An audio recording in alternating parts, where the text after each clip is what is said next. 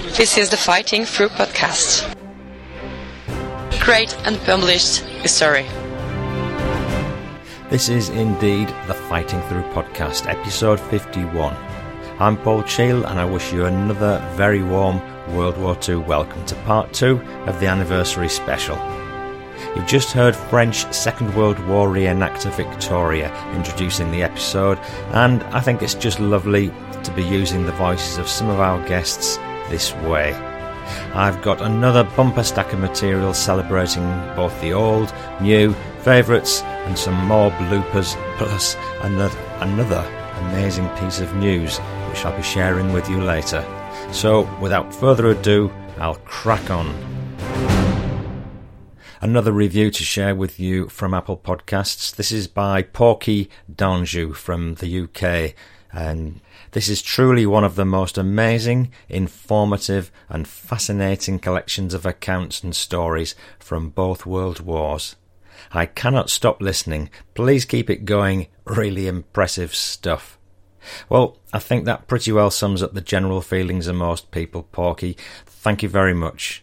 Talking of pork, I just I've just got to slip in one of my favourite anecdotes from the show. John Dady's dad was in the Irish Guards near the end of the war in Germany, and John told us, My dad told me a funny story about going wild boar hunting with the officers who were armed with shotguns only. When they got charged by a boar, they couldn't stop it, so my dad fired all 30 rounds from his Bren gun into it, much to the officer's disgust. This was in episode 29 about POWs, and I must say that one of the most poignant points in this podcast series has been how brave, kind, and supportive the enemy occupied Polish population were to the Allied POWs, slipping them sandwiches, cigarettes, and even helping them to escape at the risk of their own lives. I'd strongly recommend listening to the POW episode about Brian Asquith, who was a rifleman in the King's Royal Rifle Corps. He was captured at Dunkirk in 1940, and if you're Polish, good on you, and thank you for your country's support throughout the Second World War. Here's a short clip from Brian's self published book, Long Time No WC. At one point in this POW camp, I had to visit the English dentist in a nearby town for treatment. My German escort had toothache himself, and he asked if I thought our dentist would be willing to extract his tooth. The dentist laughed and agreed, but asked me how much I wanted the guard to be hurt. I told him the guard was the best we'd ever had, so he said he'd treat him gently, and I think he must have done so, because when the guard came out, he was absolutely delighted and couldn't thank me enough. Marvellous, he kept saying. Never felt a thing.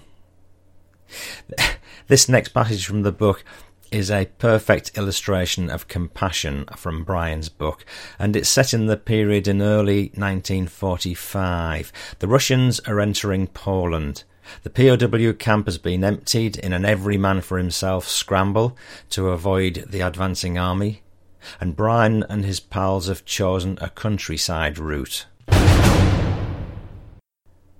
After passing through Neubrandenburg, where Ginger Parks sold a watch for bread and tobacco, a generous act because Ginger didn't smoke, we actually got an issue of Red Cross parcels. We used some of the chocolate to buy some eggs and a hunk of bacon from a farm which we passed. However, we ran into difficulties that night when we were quartered in some farm buildings where we were forbidden to light fires, thus preventing us from cooking our goodies. We could see the lights of some cottages about two hundred yards away across a field, and decided to chance going over there in the hope of bribing someone to let us use their stove.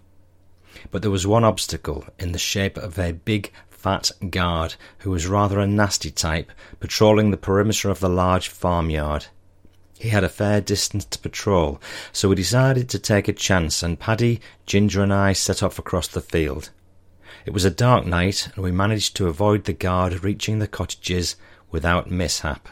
We picked a door at random and knocked, hoping that a bar of chocolate might persuade the occupant to allow us to use the stove or do the cooking for us. An old lady opened the door, and we asked if we could do just that, at the same time offering the chocolate. She obviously fancied the chocolate, but seemed very nervous and kept looking behind her, when suddenly there appeared in the kitchen a German officer, a Hauptmann, I believe. We were dumbfounded and felt like making a run for it, but the officer came to the door, wanting to know what was going on. After which we were surprised and delighted to hear him say to the old lady, Take the chocolate and let them in. I'll keep an eye on them. We hard boiled our eggs and fried our bacon, besides making some porridge while the officer stood over us. He said, You have bought well, you're living better than me. And I thought at one time he was going to ask for some of it, but he didn't. He was quite a jovial sort of man, about forty five, and he wished us luck as we thanked him and set off on the journey back to the farm, thinking ourselves lucky to find such a good natured officer billeted there. So, another heartwarming passage from a self published book, well worth the read if you can get hold of a copy. Long time no WC. Joe Frawley from Michigan, USA has been in touch via Facebook. Uh, I've recently discovered your podcast and I wanted to tell you how much I'm enjoying it. Your narration is spot on and I can almost hear the tanks and planes. It's interesting to hear stories solely about the fighting British Army. Paul, you should be proud of your father. He served his country admirably with distinction and honour. I can't begin to tell you how much I admire him for writing his book. He and his fellow soldiers were the greatest generation. Thank you again from here in Michigan, Joe Frawley. Joe, thanks very much for that. And um, as you've remarked on, you know, how good my dad was, um, I'm going to treat you and everyone else who's listening to a very rare recording of my dad. Um, he didn't get recorded a lot at all, much to my shame, really. But there you go. Um, Dad did appear on TV years ago. I think it was the probably the 40th or the 50th anniversary of D-Day, and it's just a very brief um, section on a BBC program, and he's talking about Gold Beach. So uh, here it is from the man himself. So this is Bill Cheall, my dad, speaking on television. The waterline is the most dangerous place in an amphibious assault, as the veteran soldiers of the 50th Division were well aware. Halfway up the beach, I passed this flail tank, and our company commander, Captain Lynn, was resting against it with his back. He had been badly wounded, and he was wounded again and killed. He was such a good man. And uh, then our officer shouted, Get off the beach, off the beach, off the bloody beach. Which we did. We didn't need any selling, mind you. My goodness, what I would give to be able to go back in time and uh, have a thorough interview with Dad about all his memoirs. That would be superb. But too late now. I've had an email from Ruut Schermer from the Netherlands in relation to something that Wilf Shaw mentioned briefly in an interview uh, ages ago. Um, this is about Operation Manna. Ruut says Leslie asked Wilf Shaw about Operation Manna. This was a food supply operation carried out by Bomber Command. Manna was carried out by British RAF units as well as squadrons from the Australian, Canadian, New Zealand, and Polish air forces, and the U- and the Eighth USAAF, uh, which was Operation Chowhound. The winter of 44-45 had left the Dutch starved, and many died of cold and lack of food, especially in the cities. Our Ruut says his mum was involved to some degree with this. Um, the operation took place May 45 with permission from the German occupiers and resulted in many consecutive days of food droppings in the western part of the Netherlands, which had by then been sealed off by the Allies from the rest of the liberated country. Ruut explained further the spectacular part of the op was obviously the food supply by air. My mum told me how utterly astonished she was by the size of the bombers as they flew in at low altitudes. It was a super moral uplift for the people, but the majority of the food supply came by lorry and barge. And Ruut says, My in laws both lived on a barge and went through the war as kids. Both families were involved in shipping food through the lines to the sealed off parts of Holland. Interestingly, the operation continued for days after the capitulation of the Germans, since it took time for the Canadians to move into the zone of occupation and get things organised there. And even after that, quite a few people died from months of starvation, which actually started when the Dutch railways started their strike on the 17th of September 44 in support of Operation Market Garden. And the Germans retaliated by shooting railway personnel and by not allowing food transports. So when winter came, lots of stocked food was gone, which led to mass starvation and people from the cities going out to the farmers to get food. Local food distribution petered out to starvation level. And the situation seriously deteriorated, and Dutch resistance tried to negotiate food supply to the sealed off area as early as March, but the Germans would not budge. Only when the war actually appeared to be lost did they consent. And the German Reich Commissar Arthur Seyss-Inquart apparently used this late consent as proof of humanity during his Nuremberg trial a year later. Now, there's a posting on Joel Stoppel's Battlefield Tours Facebook page which uh, explains some more about this and it includes a video, so I'm putting a link in the show notes. Ruut, thank you very much for writing in and providing all that information and uh, particularly giving us the insight that your mother had into something that was going on during the war. Another bit of history coming up now. This is um, prompted by an email I had from a Brit. Um, and this passage is called The Lost Airmen of Buchenwald. And uh, first, a bit of history from Wikipedia. As Allied air forces took control of the skies over Europe in the summer of 44, Hitler ordered the immediate execution of Allied flyers captured in civilian clothing. These airmen had been shot down mainly over France, and whilst attempting to reach England along certain escape routes, were turned over to the Gestapo by traitors within the French resistance. The captured airmen were given the name Terrorflieger, Terror Flyers, and weren't given a trial. 168 airmen from Great Britain, United States, Australia, Canada, New Zealand, and Jamaica were taken by train in overcrowded cattle box cars from a prison outside Paris to Buchenwald concentration camp. Keith Farquharson has written in I was doing the security for the opening of the Bomber Command Memorial in Green Park. And listener, if you're ever in London and you want a good thing to go and visit, go and see that Bomber Command Memorial. It is awesome. Back to Keith. I met a Canadian veteran there. He'd been shot down outside Paris in 1944, just after D Day. Taken in by the resistance, sent along the escape route into Paris, and was betrayed by a collaborator and arrested by the Gestapo, tortured by them, sent to a concentration camp, and released by the Luftwaffe, and finally liberated by the Americans. A short time later, I was watching a history type channel, and blow me, there was a documentary which echoed his story called The Lost Airmen of Buchenwald. Well worth a watch if you can find it. Keith, thank you so much for that. You wrote to me absolutely ages ago, and it was a snippet I felt was well overdue for sharing.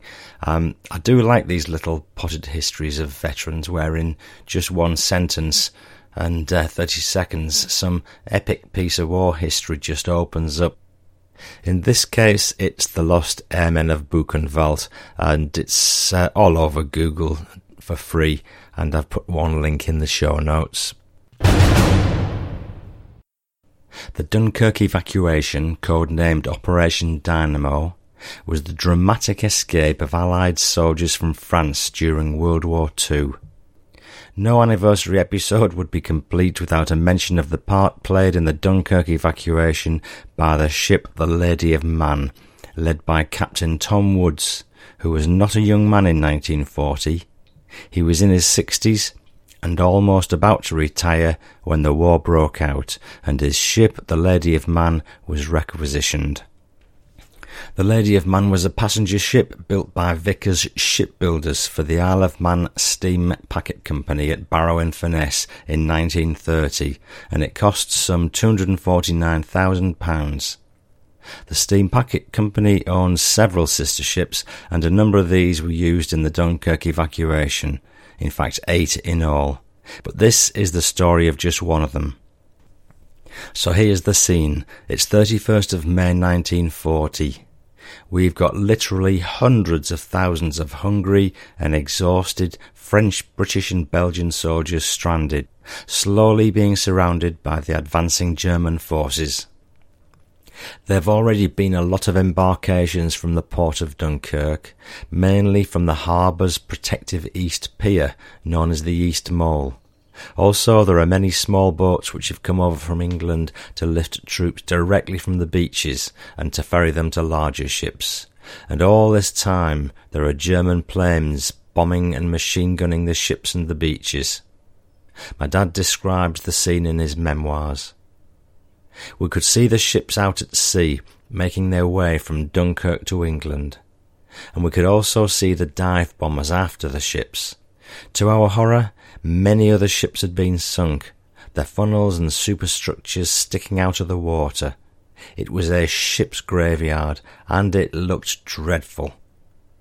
Eventually, our column reached the East Mole, and we waited in a long queue until it was possible for us to board a ship.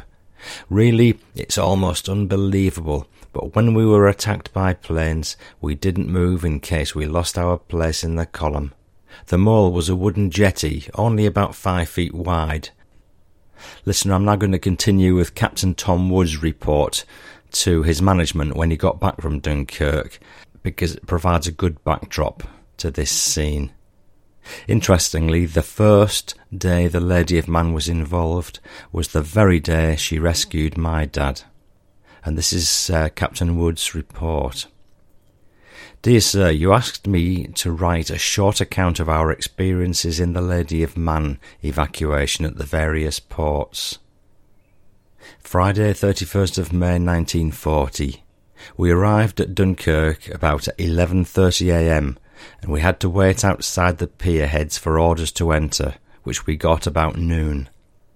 All the time we were waiting, there were continuous waves of German planes coming over, forty at a time.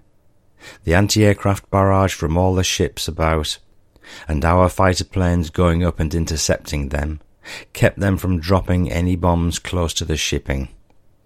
About 1.30 p.m. we got a berth at the pier and commenced embarking French casualties from the French hospital. We took 1,500 casualties on board, of which 300 were stretcher cases and also 500 other French troops and 1,000 British.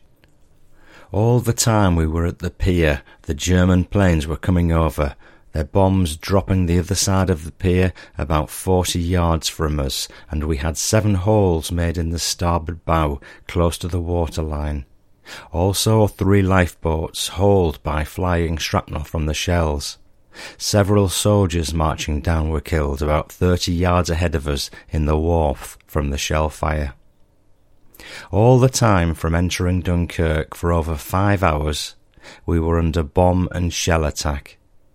We sailed about 5 p.m. for Folkestone, berthing there about midnight. Listener, the bit you've just heard related to my dad's evacuation. Until I read this, I had no idea, and I don't think that Dad had, that the ship had been hit by shrapnel. This is a passage from my dad's account of this particular period. There, by the side of the jetty, a ship was waiting to be loaded with human cargo. We walked along the wooden pier, and back came the planes. It seemed never ending trying to bomb our ship, but without success. We walked along for about half a mile to the ship would be boarding. Miraculously, the mole was still intact, but there was a six foot gap in the planking where the bomb had gone through without exploding, and loose planks had been put across. Some lads, in their desperate hurry, chose to jump the gap with their full kit on, and luckily none fell through into the water. Another thirty yards and we came to our ship. At the top end of a gangway stood an officer, counting soldiers as they went aboard. The ship was a ferry ship called the Lady of Man. How could I forget that name? How lucky we considered ourselves to be. Out of all those thousands of men, we were being given the opportunity to be evacuated. The ferry was fast becoming packed with grateful lads. The captain would know how many men the ship could carry, but God knows what would have happened had a bomb hit us. I was lucky enough to be on deck to see what was happening, and it must have been very claustrophobic down below deck. At last, packed like sardines, the ship began to tremble, and so very slowly we pulled away from the mole. It was 6 p.m., 31st of May, 1940. Being a little taller than many of the lads enabled me to have a panoramic view of the whole length of the beach. I wondered how many of those boys would get back to England, and how many would be killed or taken prisoner. The beach was as crowded as ever. Then suddenly I saw a German fighter plane skimming above them, firing cannons. It reminded me of a row of dominoes being knocked down from one end. The dense black smoke from the blazing oil storage tanks reached far into the sky. There was another loaded ship about one mile ahead of us, and suddenly I heard the Stukas returning, diving almost vertically. I saw bombs leaving one of the planes and was certain our time had come and that this was the end. I closed my eyes and gritted my teeth. My whole body braced for the inevitable impact. Then sploosh, and nothing else. I looked out in surprised relief to find that miraculously the bombs had hit the sea about twenty yards away, so God was watching over us. Then we all gave a massive cheer when one of our destroyers hit one of the planes, knocking a wing off with the inevitable result. As we drew away from the coast, I wondered how many of the soldiers left on the beach would get away. That night, and all I saw, will always be imprinted upon my memory. After another mile or so, we felt safer. We were going to be lucky. Everybody became so quiet that only the passage of the ship could be heard, and that noise was bliss to our ears. I don't believe anybody that had endured the past weeks, witnessed such tragic events, and lived to remember it all, could be anything but thankful. There must be a God looking after us. Early morning, after it had become light, somebody shouted, Hey, look across there! We saw the white cliffs of Dover, and it was a beautiful sight. In a little while, the ship slowed down and soon edged its way to the dockside at Folkestone. The wounded were taken off at Dover, and my dad, Bill Cheall, disembarked at Folkestone and taken by train to Cardiff. The Lady of Man carried on fighting bravely throughout the rest of the war. After the war, Captain Tom Woods was to be honoured with an award of the OBE, Order of the British Empire. Sadly, the valiant ship Lady of Man was taken out of ferry service in the 1970s and scrapped. What a shame she's not around today to be visited and admired. I produced a short video of the East Mole as it is today, and uh, it hasn't changed that much, and it's posted on my YouTube channel. And uh, in a poignant PS to this episode, one visitor commented as follows. Paul, thank you. My grandfather, Edward Ted Parker, Royal Army Service Corps, was also evacuated on the Lady of Man ship. He too jumped across the bombed gap in the mole. I'll be returning to Dunkirk with my dad in May for the 80th anniversary. I'll have my granddad's medals with me, including the Dunkirk medal. Gary Parker. Gary, thanks for posting that. Awesome. One of the special features that has crept into the show has been the How Good Is That award. And here's just a sample of uh, some of my many favourites. This one's from the Four Brits and a Frenchman, episode 40.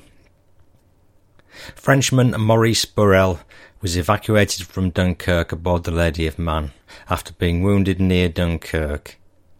He was treated at nearby Zuydcoote Hospital but driven away by bombing. He then boarded the Lady of Man on the East Mole jetty at Dunkirk. I was gobsmacked when his grandson Benjamin wrote in, and I realised that the date his grandfather was evacuated from Dunkirk on the Lady of Man was the same as my dad's 31st of May. And as there was only one sailing that day, it meant that Maurice Burrell was on the ship at the same time as my dad.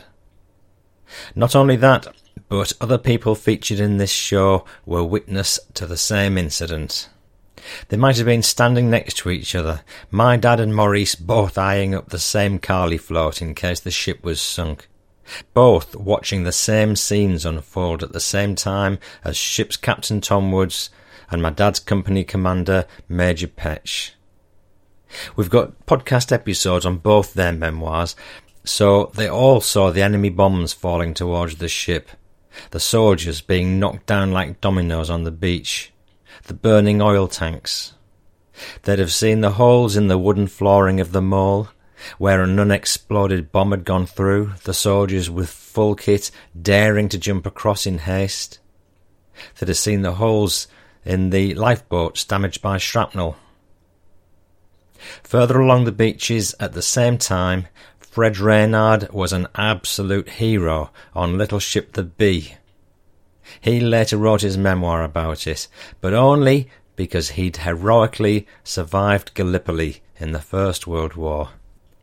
And we now know that even before World War One, Fred Reynard had already diced with death. In 1912, he left his home on the Isle of Wight to start a new job, as stoker on a passenger ship.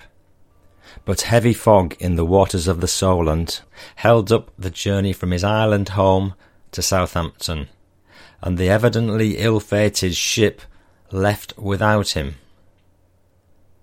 So, Fred Reynard, hero of Gallipoli, and engineer on board the valiant Dunkirk ship Bee, only did those things because he escaped what would have been the first, fateful, and final voyage of the Titanic. How good were those stories? Danger, unexploded bomb. This next passage from one of your favourite episodes is a fascinating insight into the dangers of the war at home in Britain in the 1940s. After Dunkirk and during the time of the London Blitz, when Germany was bombing the heck out of our civilians, we're going to hear about the totally mundane life led by engineer Brian Moss when he's off duty, eating hot desserts and custard, and, and how that compares with the tense, on duty, blood pumping experience of sitting astride a bomb whilst trying to disarm it. I'm going to double up by including a classic How Good Is That about a Polish bomb factory worker. Here's Brian. On non cinema evenings, I'd go to Jack's place, a dingy cafe with a fruit machine. I gave Jack, the bald owner, instructions to bake blackberry suet puddings for me. I'd sit in the corner and eat my pudding, while thinking about what would have to be done the following day. The night of 14th to the 15th of November was one of significance. At around midnight, the whole company was in a state of anger and excitement. Telephone calls had revealed that Coventry was under attack. Coventry was the home of many of our men, Quite a few had already gone to the North Circular Road and hitched a ride home, wholly without authority, of course. When morning came, we were about twenty men short. Others knew that their families had been killed and their homes destroyed. I can't recall any action being taken against the absentees, except in the case of Wyatt, who kept absenting himself, eventually breaking out of the guardroom at the rear of Torkington House. My personal collection of fuses grew. The fuse number indicated what the bomb would or should do after striking the ground. Delay before detonation is most important in a demolition or anti-shipping bomb. Instant detonation is desirable in a high capacity landmine type of weapon. A landmine could wipe a whole street off the map. Penetration would vary with the soil. It was the least in gravel or similar materials.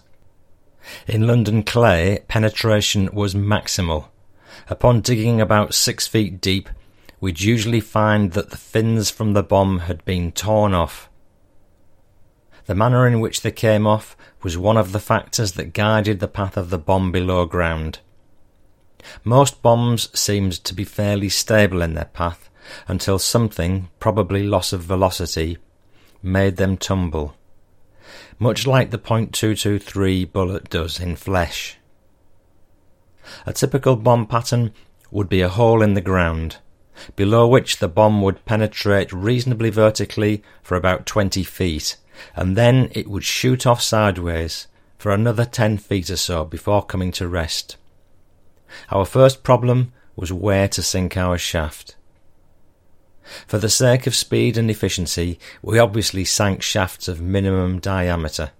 However, small shafts could easily miss the bomb. It might seem logical to follow the bomb hole.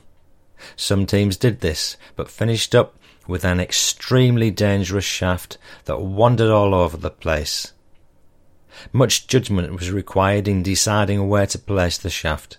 Even divining was tried, such as used in searching for underground watercourses. I recall that the Deputy Borough Engineer of Tottenham became involved in this mysterious art. Sometimes a squad would dig for weeks and not find the bomb.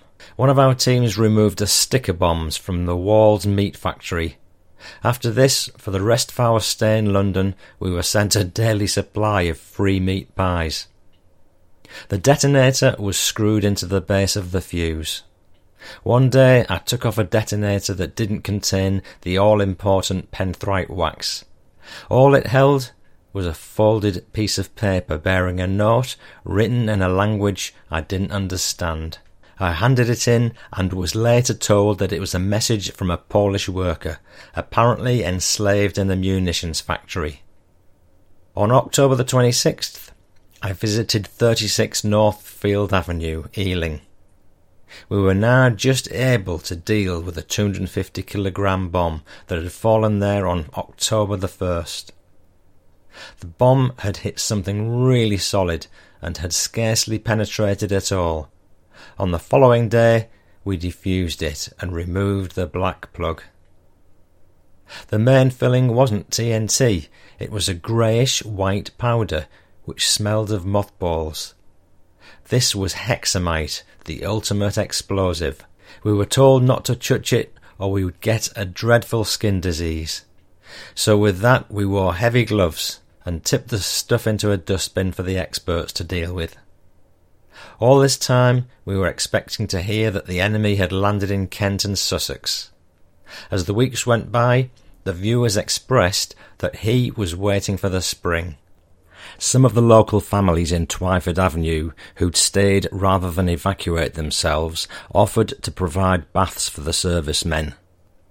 Lance Corporal Cotton of HQ and I were told to report to number 115 Twyford Avenue. Alternate nights were arranged for the pair of us to bathe, and so I arrived one evening and introduced myself to Mr. and Mrs. Townsend. They were a very pleasant and hospitable couple my invitation extended not only to baths, but also to dine with them for suppers.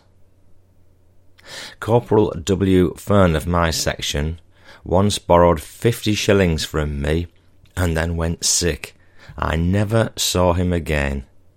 I suppose at 5% interest he'd now owe me more than £19.40. In the first week of October, I was instructed by Lieutenant Ewart to take the men to Wood Green. On September the 10th, a stick of five 250 kilogram bombs had fallen, four in or near Wolves Lane and one in White Hart Lane. We set about working on all of them. Having spent days and days digging down and finding nothing, imagine the shock when your pick clangs against steel. You wonder if you've started the clock ticking. On your knees, you use a trowel to carefully uncover the bomb.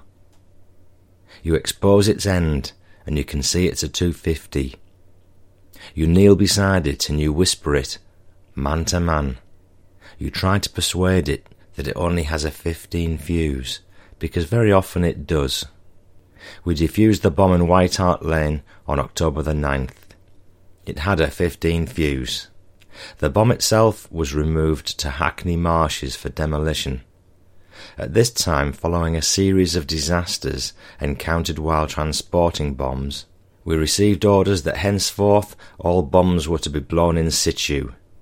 With this in mind, we worked on the remaining four bombs until all was ready on the morning of October the 20th. I clearly recall J. Dixon, a small scruffy chap, continually shouting me from the bottom of the hall in the recreation ground that he could hear his bomb ticking. Every time I went down to listen, I heard nothing. Not a sound. One can well understand how a lively imagination can run riot at a time like that. On this occasion, we laid a circular wall of sandbags around each hole to contain the blast. On average, the bombs lay at a depth of twenty feet. Each bomb was prepared for blowing with a one pound slab of gun cotton, complete with gun cotton primer, detonator, and four minutes of safety fuse. I lit the first fuse. Crouching down with a special constable behind the roadblock to stop traffic from entering the road, we saw sandbags and black smoke rocketing skyward and felt the ground kick under our feet. The landlord of the pub on the corner was pathetically grateful that his premises could open again, even though we'd just blown the front off it. I dashed from one bomb to another in my 1500 weight Guy truck, detonating each one in sequence.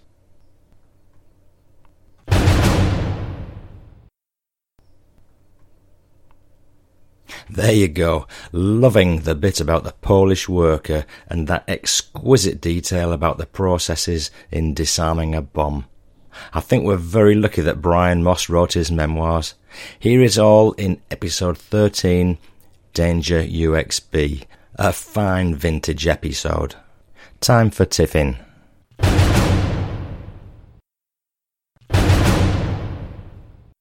For me at the moment, leading the How Good Is That award by a country mile is this one, which came on the back of Savannah Harris listening to all the Dunkirk stuff. Dwayne Harris from Idaho wrote in, my young daughter Savannah comes home from school, slams a test on Dunkirk on the table, and says, Boom! 96%, thanks to that English guy. Then she goes on to say, How good is that? Ha ha ha. Thanks, Paul, for helping my daughter with her test. And right on cue, our good friend Wolfie Wolf from the USA just sent in a comment on the Christmas show, which also refers to Savannah. Love to hear the young lady from the US give you such a nice review, and so happy to hear she's studying World War II. Good to hear the young are learning the history of the world. I hope in the future years your father's memories are listened to and learned from. Thank you so much for that, Wolfie. I just know that little Savannah will be pleased to bits hearing your comments on her Dunkirk interest. And I, I guess that's a cue for more Dunkirk then. Here's another anecdote. I found this story on the France and Flanders Facebook page. Two brothers were killed one day apart during 1940. heading on separate paths to Dunkirk. Captain James Cartland, D Company, 2nd Lincs, and Major John Cartland, 209 Battalion, 53 AT Regiment, killed one day apart at Ypres and Cassel. James Cartland was killed when he remained behind to cover the withdrawal of his company. After repulsing several German attacks, he found himself surrounded. Refusing to surrender, he picked up a Bren gun and fought until he was eventually killed. Two POWs from D Company later told the story of how Private J. Stanger, also a POW, was sent forward by the Germans to get James Cartland to surrender. Cartland, now the sole survivor, fighting from a slit trench, replied that he would never surrender to a German and continued to fire his Bren gun. During this parley, a group of Germans managed to manoeuvre behind Cartland and shot him in the back. Sadly, James never received any gallantry decoration or recognition for sacrificing his own life so his men could get away. His brother, John Cartland, was one of the few members of Parliament to be serving in the army in 1940 he broke out of Cassel for Dunkirk with approximately fifty other ranks in the early morning mist. Around twenty miles outside of Cassel at 8 a.m., the column was spotted by three German tanks which converged on the lightly armed men. Cornered in a roadside ditch with no anti-tank weapons, the column started to scatter, still trying to reach Dunkirk. Major John Cartland, rose from a drainage ditch lining the road and was instantly shot dead. The two brothers had a famous sister, the novelist Barbara Cartland. No anniversary episode would be complete without an extract from the adventures of Little Ship the Bee at Dunkirk. And here's a passage from episode 20. It recounts the last day of the Bee's service at Dunkirk before her return to England, and it's a very stark reminder of how awful the scenes must have been in France. And this is written by engineer Fred Reynard. The dawn of another day broke, 3:30 a.m., 1st of June. The glory of June, they say, but what did it hold for us? We saw the dawn, but would we see its dusk? One thing was certain. There were hundreds of men on those shores and on the boats who would never see the close of this day. That was fate, and we had no right to expect to be favoured before another person. We were weary, but we carried on, still adding slowly to our numbers. The ever increasing light saw the SS Scotia loading French troops at the pier, the Lady of Man having left during the hours of darkness and the Ryde to Portsmouth paddle steamer Whippingham was also getting a large number of British troops from the pier. The destroyers have had good hauls during the night and were leaving for home, as were scores of small craft with their tens and twenties. Other destroyers were arriving and let go their anchor offshore. He saw the movements and started heavy shelling and seemed to be getting the range more accurate. The morning took shape, and the Scotia left with over two thousand men from France. The Whippingham also left with her sponsons awash with approximately two thousand aboard. The SS Scotia was a double-funnelled cross-channel boat and very fast. We watched them clear the harbour and carried on loading again. Then things began to happen.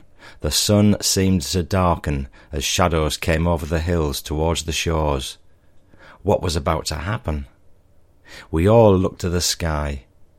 He had come before in fifteens and twenties, but this time, well, formations of fifty or more came over, wave after wave of bombing planes, screams out of the sky. The noise was really frightening as they dived down to the sea. It seemed as if he was determined to end it all and blow everything off the earth and sea. That next hour at Dunkirk will always be with me if I live to a hundred years. Hell can have no comparison to that unleashed fury. Destroyers twisted and turned in an effort to escape the screaming bombs he threw at them. A destroyer was hit and steamed round in circles as if her steering was damaged. Another was badly damaged. Tugs took her in tow, but the tow wire was cut with another stick of bombs. Yet another destroyer was hit, and a large tug rushed to her. Then the tug received a direct hit and went down with all hands. The minesweeper Skipjack, with 270 troops on board, was sunk with all hands. They must have perished like rats in a trap. A French destroyer stopped a stick of bombs and turned turtle. Men were swimming everywhere. The planes dived to sea level. A burst of machine gun crashed into the upright of our wheelhouse. A bomb splinter tore a hole in our sail aft. A soldier's face was split open full length. Another explosion rolled us on our beam, and everyone hung on like grim death. The rush of air from another bomb almost choked us, as it seemed to draw all the air from our lungs. The paddle wheel minesweeper Brighton Queen steamed past us, making for the open sea. She was loaded with black French troops and packed like sardines. A plane dived straight for her, and the bombs landed right in the middle of her troops aft.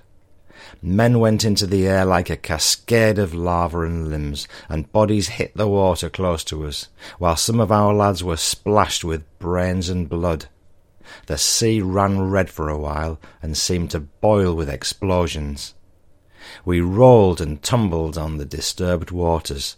A ship was hit, now a miss, the noise, the cries, men jumped free as their ship foundered, yes, into water thick with oil. I watched with others, expecting my turn. How can he miss? He's bombing to a pattern. Another near miss, and we nearly capsized. Those Stuka pilots were past masters at their game. We saw them sitting in their machines as they swooped past us. A terrible toll in ships and in life. The destroyers were fighting back with all they had. One had to admire the cool way the officers directed the fire. They blew hell out of him as he dived, and more than one Jerry made his last raid that morning. Explosion followed explosion as a ship was hit. The noise of battle was truly on. One could scarcely hear one speak. Wave after wave they came, sometimes along the shore and sometimes further out to sea. Ships were set on fire, small craft blown into the air, men maimed and torn, blown into the sea with them. One was helpless. One just had to wait, hope, and pray. The destroyer Esk was warming him up the officers coolly conducting operations from the bridge. How proud I felt at that moment to belong to the same race. Then we had a breathing space, a welcome respite. The planes went, and we had time to look around. Our young officer caught my eye, and he beckoned me. I never saw a man so cool and composed, and he just said to me, Spiteful swine, the Boche Fred! And I could not have agreed with him more. He then pointed to a destroyer which was about to take the final plunge. As her ensign disappeared beneath the sea, he came smartly to the salute. She'd gone to her grave, taking some of her gallant crew with her.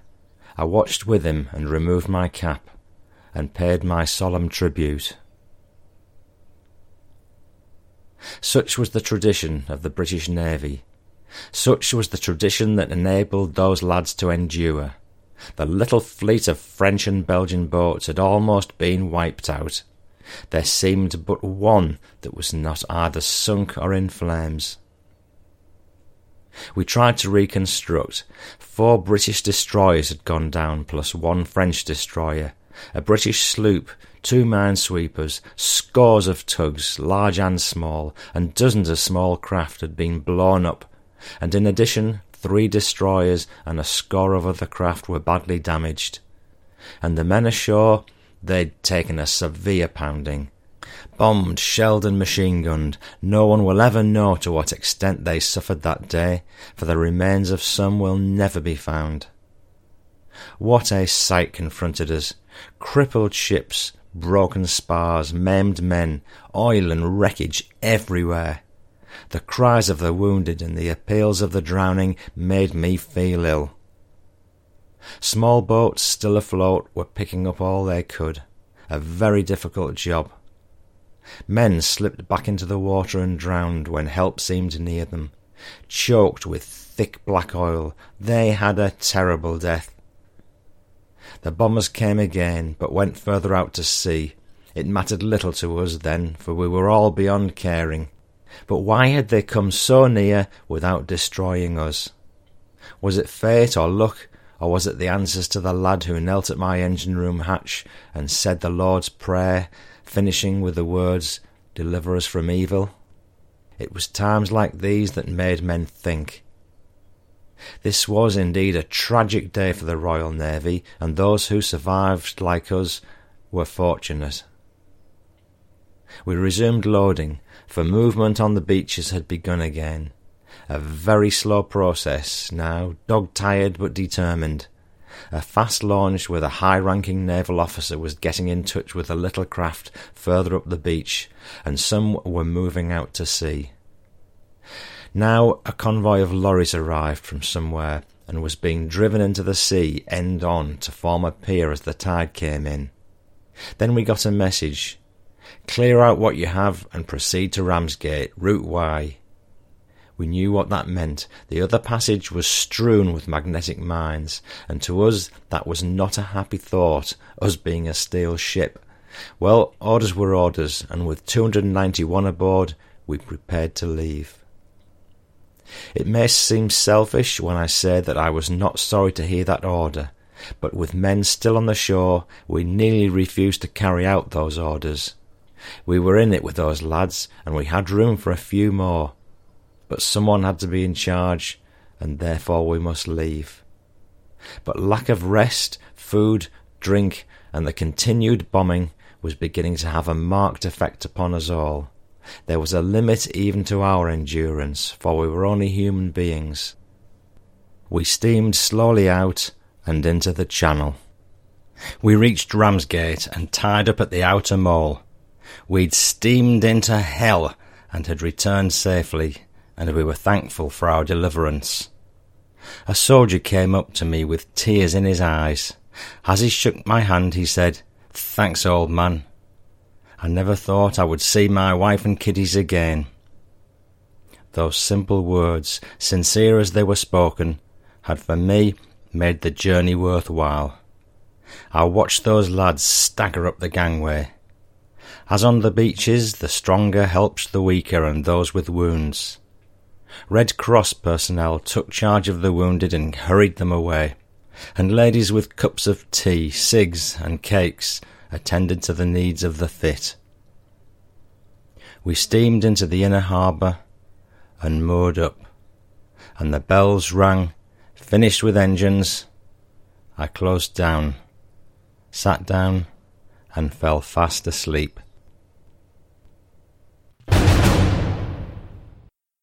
Well, there's a lot more to that extract. That was an edited version. And if you want to read the full version, then you need to catch up with the main episode itself. That's The Little Ship the Bee.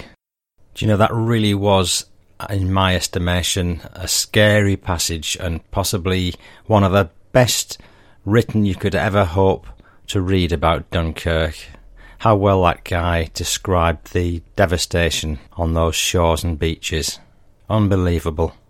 Of course, 2020 is the 80th anniversary of Dunkirk, and there are commemorative events aplenty down on the south coast and in France.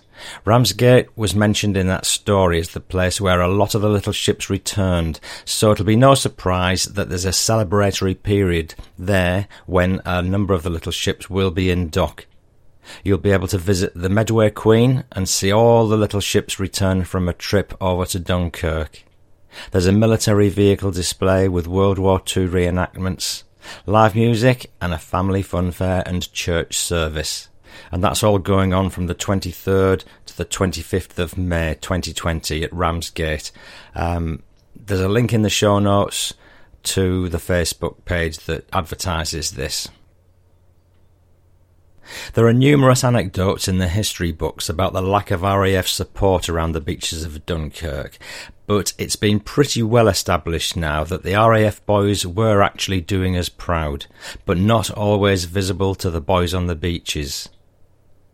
Douglas Bader lost both legs in an aerial incident before the war, but uh, went back to fly and was credited with up to 26 aerial victories and seven probables. In later life, he became Sir Douglas Bader for his services to the disabled community. I stumbled across this story on the France and Flanders Facebook page. It's a report by then Flight Lieutenant Douglas Bader over Dunkirk, recounting a possible kill on a Heinkel. So this is a combat report from Flight Lieutenant Bader from 1940. And the, the summary at the top of the report includes the following details length of burst, 2 of 3 seconds and 1 of 7 seconds, range closed, 50 yards on second, rounds fired per gun, 297, HE 111 probable. As 222 and 41 squadrons were patrolling Dunkirk from east to west, below 10 tenths cloud at 3,000 feet, I saw three Heinkel 111s flying inland from out to sea. Yellow 2 and 3 had both gone home for various reasons, and I turned out from behind red section to attack the nearest 111, which was not near to the other Heinkels I saw.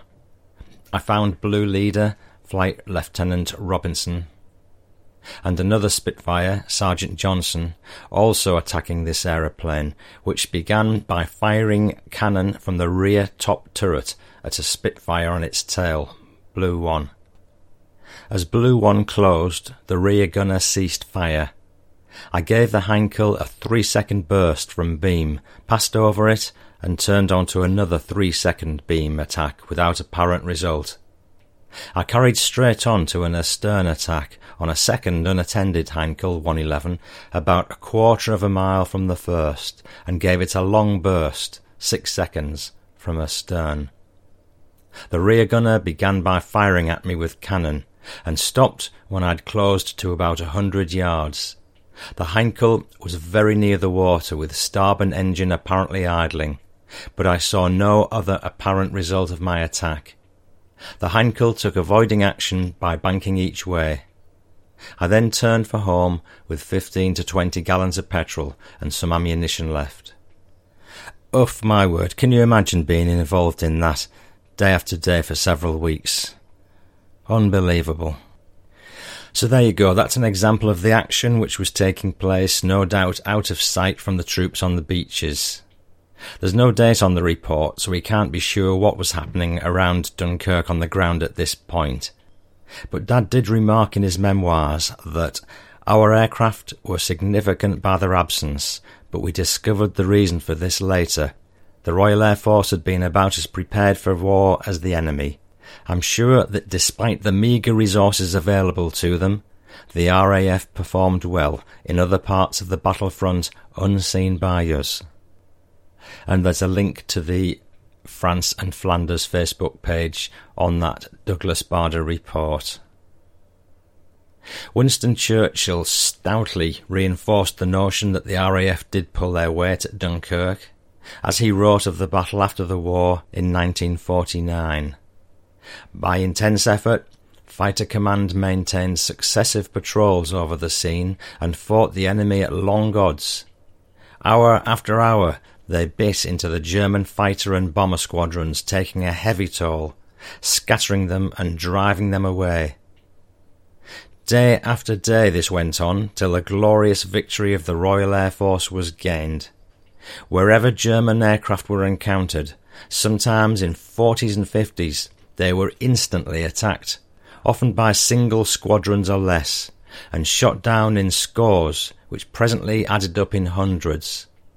Unhappily, The troops on the beaches saw very little of this epic conflict in the air, often miles away or above the clouds. They knew nothing of the loss inflicted on the enemy. All they felt was the bombs scourging the beaches, cast by the foes who got through, but did not perhaps return. There was even a bitter anger in the army against the Air Force, and some of the troops landing at Dover or at Thames ports in their ignorance insulted men in Air Force uniform. They should have clasped their hands. But how could they know? In Parliament, I took pains to spread the truth.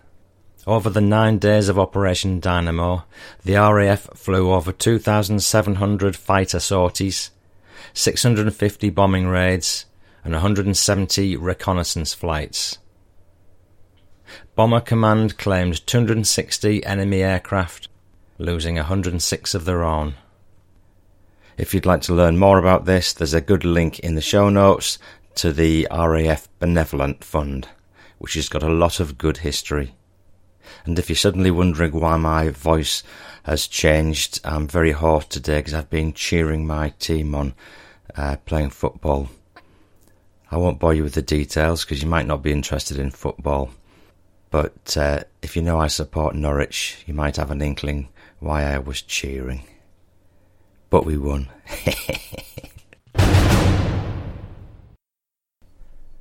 I'm now going to turn to a bit of coverage of D-Day.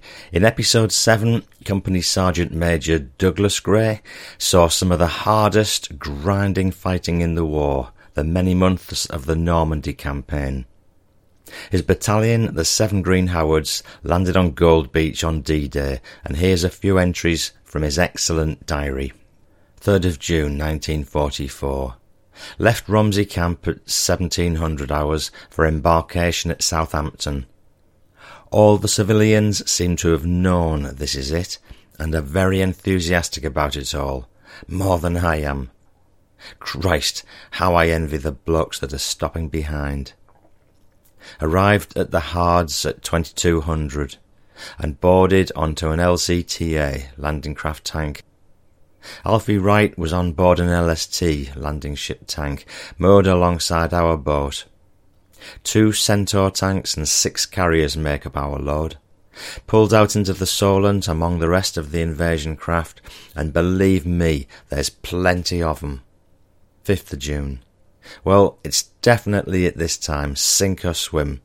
Pulled out at 0700, weather hellish, and big sea running.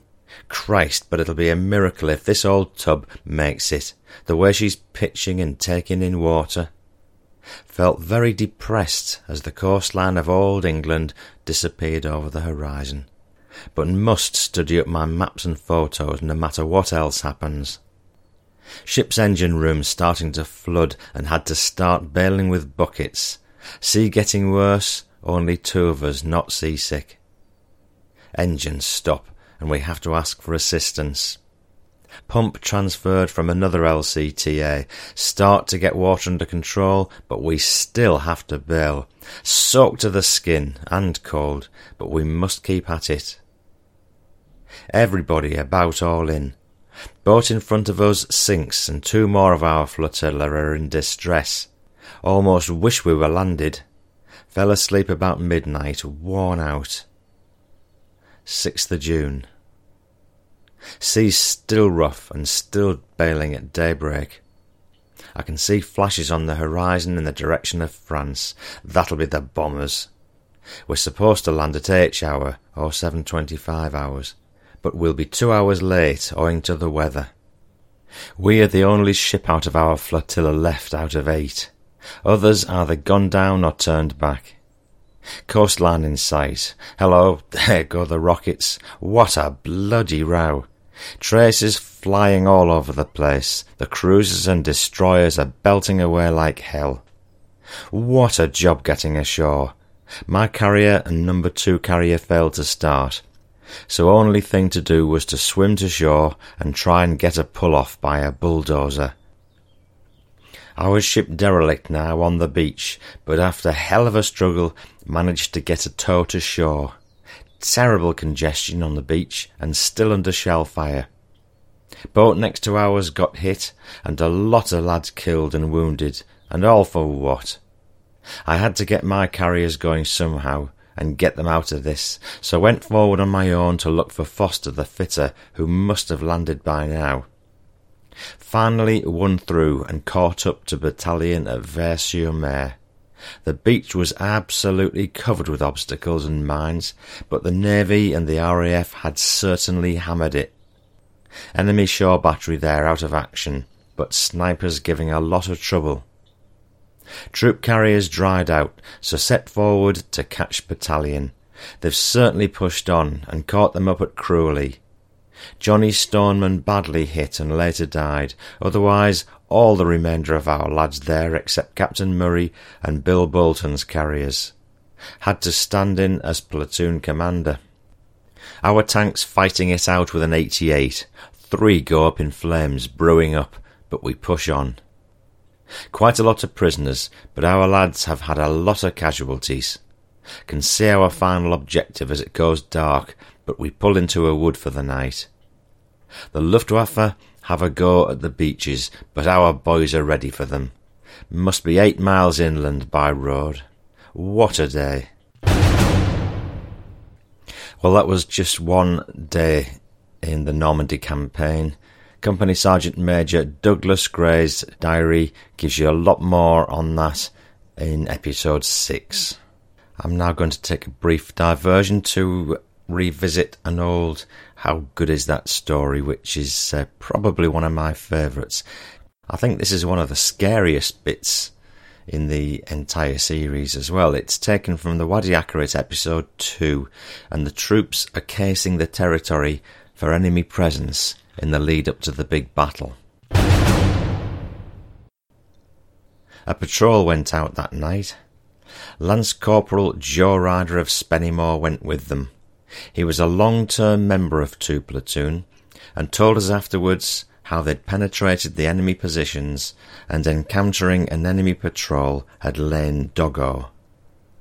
A member of the enemy patrol had put a foot on Joe's hand as he lay there, both men knew that if either of them raised the alarm, they'd both be dead. So they ignored one another, and the moment passed. Brian Moss, Sergeant, 233 Field Company, Royal Engineers.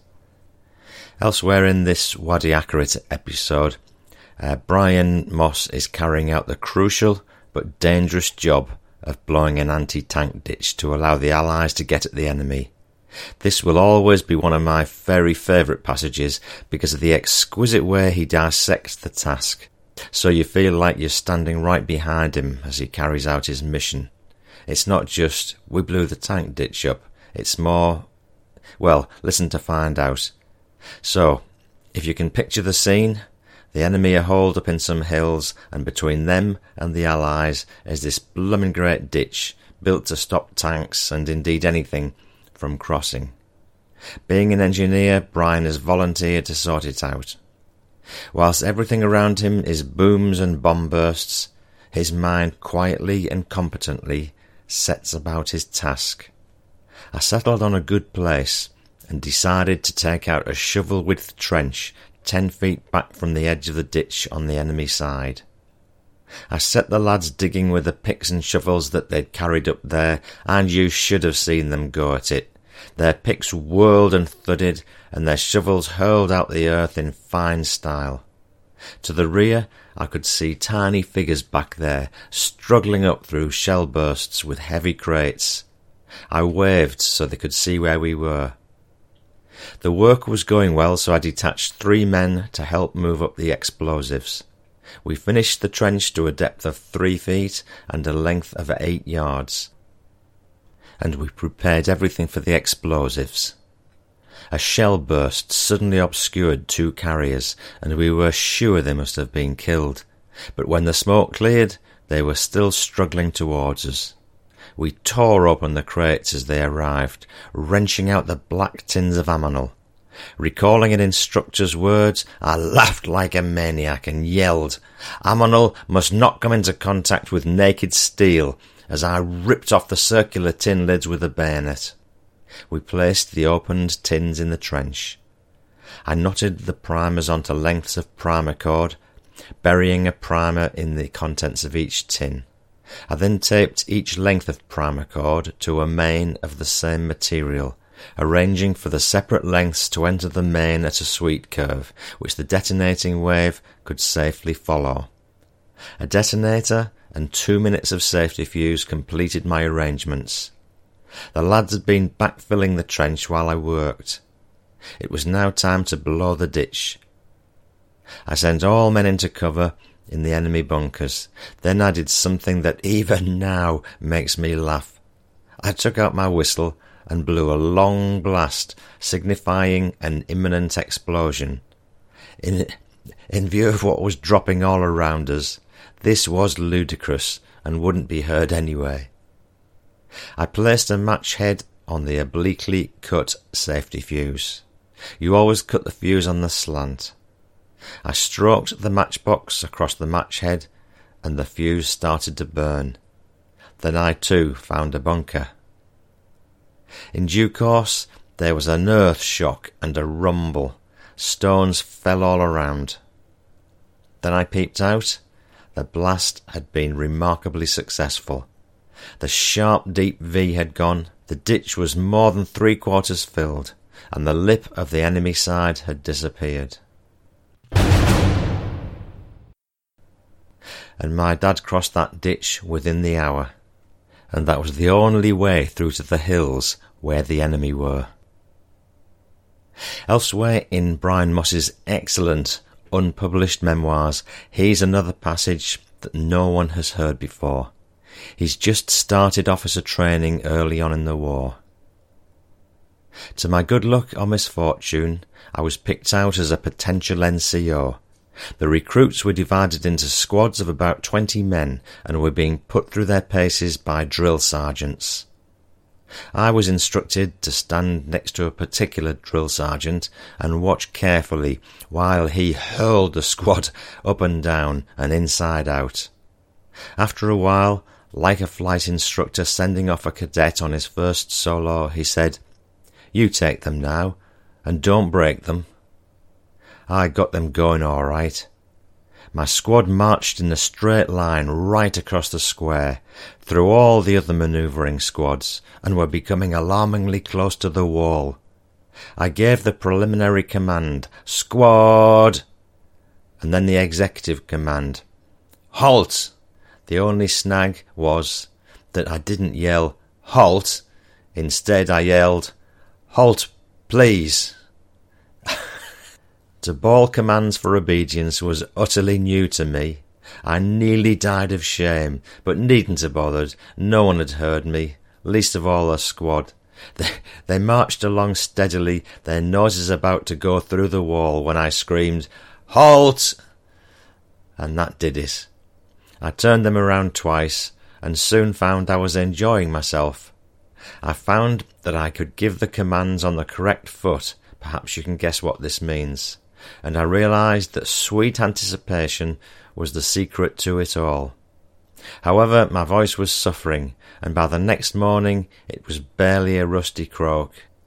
If you've stuck with the Fighting Through podcast since the start, then it's 48 episodes since you heard the following passage, yet again taken from Brian Moss's account of the Battle of Wadi Akarit.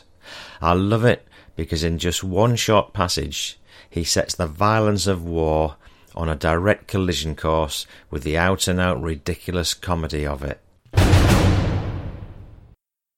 Later, a carrier engine burst into life. The vehicle moved, and we heard an abbreviated scream. Apparently, it had run over some poor devil asleep on the ground. We got to our feet, each thinking, that is not going to happen to me. We then received detailed orders. Sergeant Betts, four sappers and I were to accompany the assaulting company of 7th Green Howards. I was to carry a section of Bangalore torpedo, while the others carried wire cutters. Obviously, we were expecting to encounter wire. We were given to understand that the task of our assaulting company was to secure point 85. The remainder of seven Green Howards would then follow us. We formed up and moved off. I marched alongside a sergeant from 7th Green Howards who was carrying a shovel over his shoulder. He explained, The shovel blade protects my head, you see. In front, a Howard officer was checking the distance marched and direction by compass. After having gone about two miles, we were halted and told to lie flat. Within a minute, the New Zealand guns turned night into day, and thousands of shells tore overhead and exploded all over Point 85 in little red flashes. This continued for perhaps two minutes, and then the shelling suddenly stopped. We sprung to our feet and ran like madmen for point 85, which was now illuminated again by gun flashes, as the New Zealand guns fired at different targets. I don't recall much in the way of defensive fire from point 85, but there must have been some. In no time at all, we were at the base of the hill, and the platoon dashed up the slope with fixed bayonets. We were instructed to go with the remainder of the company around the hill to the left, and I wondered why we were doing this if our task was to get the pimple. At that moment I was appalled to see that dawn light was flooding the scene. If only we'd started just ten minutes earlier. We left the sounds of battle behind us as we raced on to what appeared to be a smallish hollow used for the growing of barley. The crop was sparse and only two feet high. It was then that we saw we were surrounded on three sides by enemy positions, some no more than a hundred and fifty yards away. We could even see the heads of the enemy in their trenches. They were evidently too astonished to fire at the sight of so many men putting themselves right in front of their sights, like targets in a shooting gallery. Up on point 85, the 2nd Cheshires, our machine gun battalion, had by now set up their Vickers, and they let fly. It was the signal for every Spandau, Fiat, and Breda to open up on us. Bullets cracked only inches above our heads, and I saw the barley heads chopped off and falling, so close were the bullets. But the enemy was firing downhill, and they had the usual problem of firing too high. Twice I saw our leading infantry attempt to get forward, and twice they were cut down before they moved even ten yards. I was lying directly behind Dick Betts, I placed my head right up against the soles of his size 11 boots for protection. Hey, Dick, I called. He turned and grinned. If we get out of this one, I said, I'll buy you dinner at the Brasserie Kalataifos. This was a reference to a meal we'd shared at a place in Alex. Dick grinned again and nodded. At that moment, the enemy started to fire small mountain guns at us. With these they could hit us over open sights, and nasty explosions were now throwing bits of bodies into the air. There was no future in this at all. Suddenly I felt a blow on my right buttock, followed by a sticky, spreading wetness. Putting down my hand, dot, dot, dot. You know, I so wanted to give you a few more paragraphs from this, and uh, one quick press of the insert key and you'd have had it. But no, I'm stopping here. If you want to find out what happens next, uh, take a shifty all the way back to episode 2, another fine vintage episode, 2013. Just brilliant. It's time for Tiffin.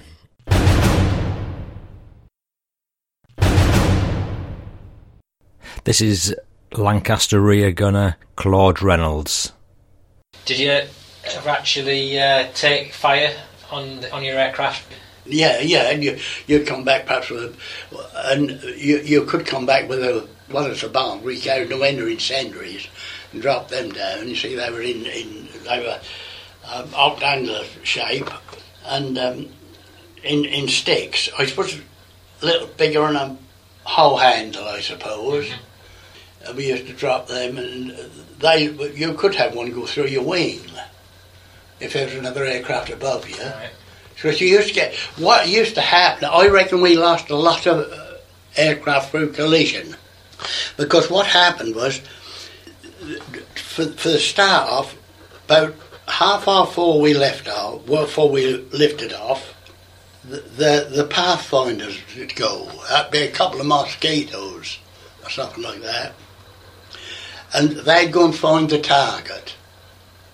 And they would then light that target up, and to find it, they drop white flares, you see. And then they, once they found the target, they then, if, if that was where they wanted the bombs to drop, they'd back that up with green flares. If that was wrong, and they knew that was wrong, they'd drop red flares and cancel that out. Ah, and then okay. they would have a go. Well, we went one night, we were, we were circling for three quarters of an hour. Um, they couldn't find the target. They said, um, Halloween Force, um, orbit. That's all they said. And that means you've got to find a bloody place to keep on round, round, round. And we did that. Well, by the time they said come in and bomb, the whole lot of aircraft had got all there together. Yeah. And when they said come in and bomb, they come in from all directions. And that went on, and, and all heights. So I, I think collisions was, was well, well, the, Wiped out more planes than the enemy. well we they, they did a, we I reckon we did a lot. I reckon they did a lot. I reckon we lost a lot through collisions. Because that's the funny thing about that. We used to take off. We used to take off from from in Lincolnshire off the squadron, and we used to fly to Reading, and that's where we sort of rendezvous at Reading. And then that, that's when you'd see di- different squadrons, different aircraft there. Mm-hmm. And then by the time you've got to the south coast, you wouldn't see nobody. here. They wouldn't see one. They were all on different different la- different heights and one thing and another. You see, you you wouldn't see it. You wouldn't probably wouldn't see another Lancaster till you got nearer the target. Mm-hmm. And then they you begin to see perhaps you see one, then two, three, and then half a dozen, and so on. You see, and they're converging on that target, and that's where I reckon we lost some uh, Okay. air, air, aircraft that way. That was a revisit to the interview I had with Claude Reynolds, who was rear gunner in a Lancaster. Scary stuff, Claude. And while we're on uh, Lancaster crew, here's a revisit to the interview I had with pilot Sidney Stevens. Here's a few extracts from the session I had with him. Well, can you think of any? Um, you mentioned that example earlier where you were being stalked by a, an enemy fighter. Are there any other scary moments you can remember on well, a mission? Everything. It's, it's no good getting yourself scared because if you get scared, you become tense. And if you become tense, you can't maneuver the aircraft to the position you'd exact you really want. Yeah. And of course, I like it's a big aircraft to, to, sort of, uh, well, I go to say, to move around the sky. It's not nearly as agile as any of the fighters, and so you've got uh, all the time to and was very hard work.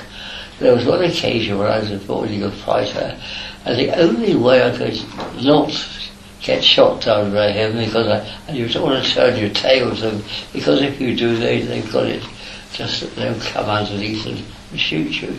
So I had to somehow. When this bloke looked as though he might go underneath, Once this bloke looked like he might go underneath, I dived straight for him. And I thought, well, he, I expect he's manoeuvring up to get out of the way. And he was obviously scared to death. He, he, he, he sort of side, he sidestepped on his aircraft away. And just the same moment, I was doing something similar underneath him, which was a safe place to be, really. And, uh, so, uh, but, but eventually, when I was trying to get out of this rather long and and steep descent. I couldn't pull my bloody aircraft out, and I had to get the engineer to come and help me on the stick just to get it up To bit. pull it up. Yeah. Wow. So we, we did str- strain those aircraft quite a lot in battle. Did you ever take fire from another plane, from an enemy plane? No, Did you ever take flak? En- enemy anti-aircraft fire. Oh, we got we got.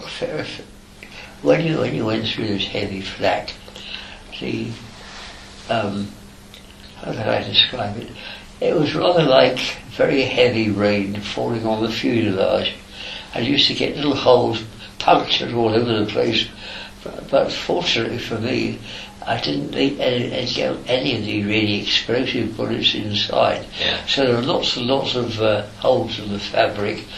Um, and what, what interesting, when you, if you look the next day and the sun rose, you could see little rays of sunlight just Yeah. coming through. It was, it was just like a pattern coming through. So yes, it was they were there all right. We ran this thunderstorm there, and it really was quite quite uh, hazardous getting back. But uh, however, it was just as bad for the enemy fighters. There was one bloke who was determined to get me. He uh, he actually came round the thunderstorm, storm, which I didn't want to do, and I, I thought anyway I'm a heavier aircraft, I can get through. And as I came through, I saw him on the other side, in effect waiting for me. So uh, I went down underneath and playing with his own game. We, we got underneath this thing, and when our sights were right, shot him down, which was very fortunate. But was rather like you, you couldn't get heated up about these things. You had to work out just where the bloke might be or what he might be doing. Yeah. And so it wasn't time for whoopee bayonet six and go like hell. You had to stop and think about it. Was this uh, a fighter that you shot down? Yes. Stevie, thank you for those fantastic insights into your war.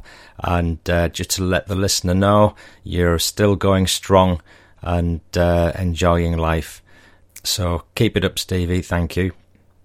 I'm just going to move over to a few more bits of listener feedback now. One of the challenges with this podcast is always keeping track of correspondence because stuff comes to me through Facebook, Messenger, email, Twitter, you name it. There's a there's a somebody writing in some shape or form, and uh, you know I welcome that. It's great, and I always try and reply.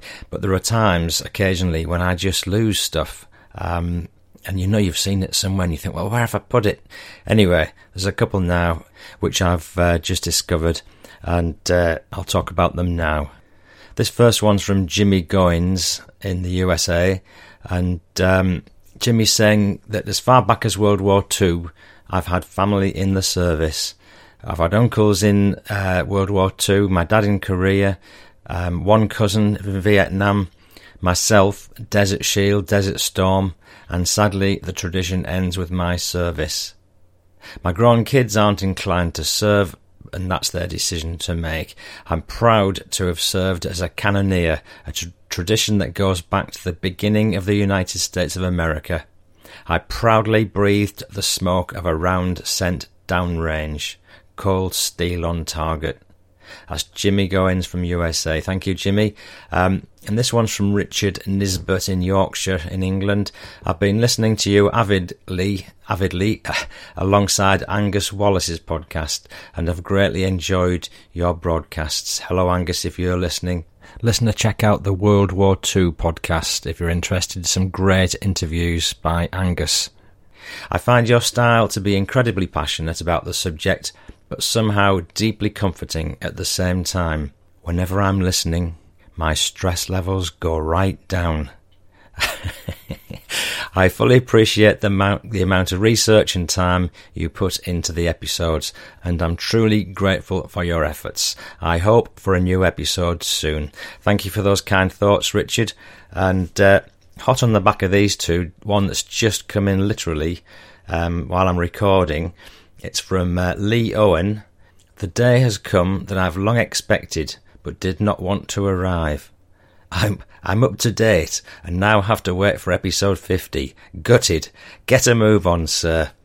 Okay, Lee. Um, thank you for that. Um, uh, I'll add that to the apologies to I made earlier on for being so late, but I do hope I've uh, redeemed myself with what's now going to be three episodes all in a row. It's a bit like in, in England we have a saying that uh, buses never buses are always late, and when they do come, there's three in a row.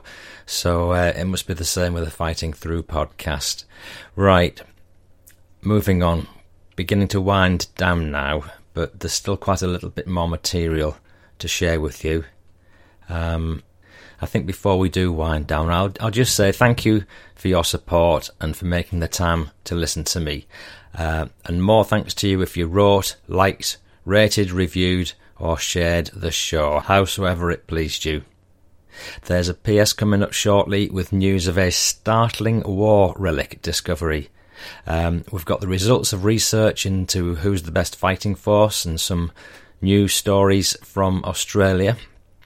Uh, so, first, news of the next episode, and at the same time, a shout out for a new podcast in the camp.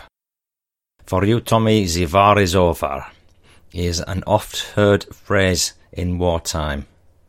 And it should be no surprise that this latest podcast, called For You the War is Over, is about prisoners of war and their trials and tribulations of capture and escape. It's produced by two guys called Dave and Dave. It's well worth a listen, and I'm not going to say any more about it because the next episode of the Fighting Through podcast is going to deliver a special bonus guest episode featuring the complete episode one of For You the War is Over commonly referred to as FYTWIO. So you should find it appears automatically on your listening app if you're a Fighting Through subscriber. And for anyone else planning uh, a wartime podcast and trying to think of a name, Fighting Through, FYTWIO, and We Have Ways of Making You Talk have, of course, already been taken. But I understand that Handhoch, Achtung Spitfire, I'll Be Back, and Nicht Scheißen are still available as titles. For now, enjoy For You the War is Over in episode 52, coming up on your player. Thank you so much for listening. Please do hear me next time. And now it's the PS. Right. I think for the second time in this uh, entire podcast series, I'm sitting here with my jaw on my desk and my eyebrows touching the ceiling. Or, to put it another way, wow, how freaking awesome, as uh, said by Ken Milligan on the Fighting Through Facebook page. I can't let the many mentions of the Lady of Man pass by without sharing with you some unbelievable news about this well loved ship.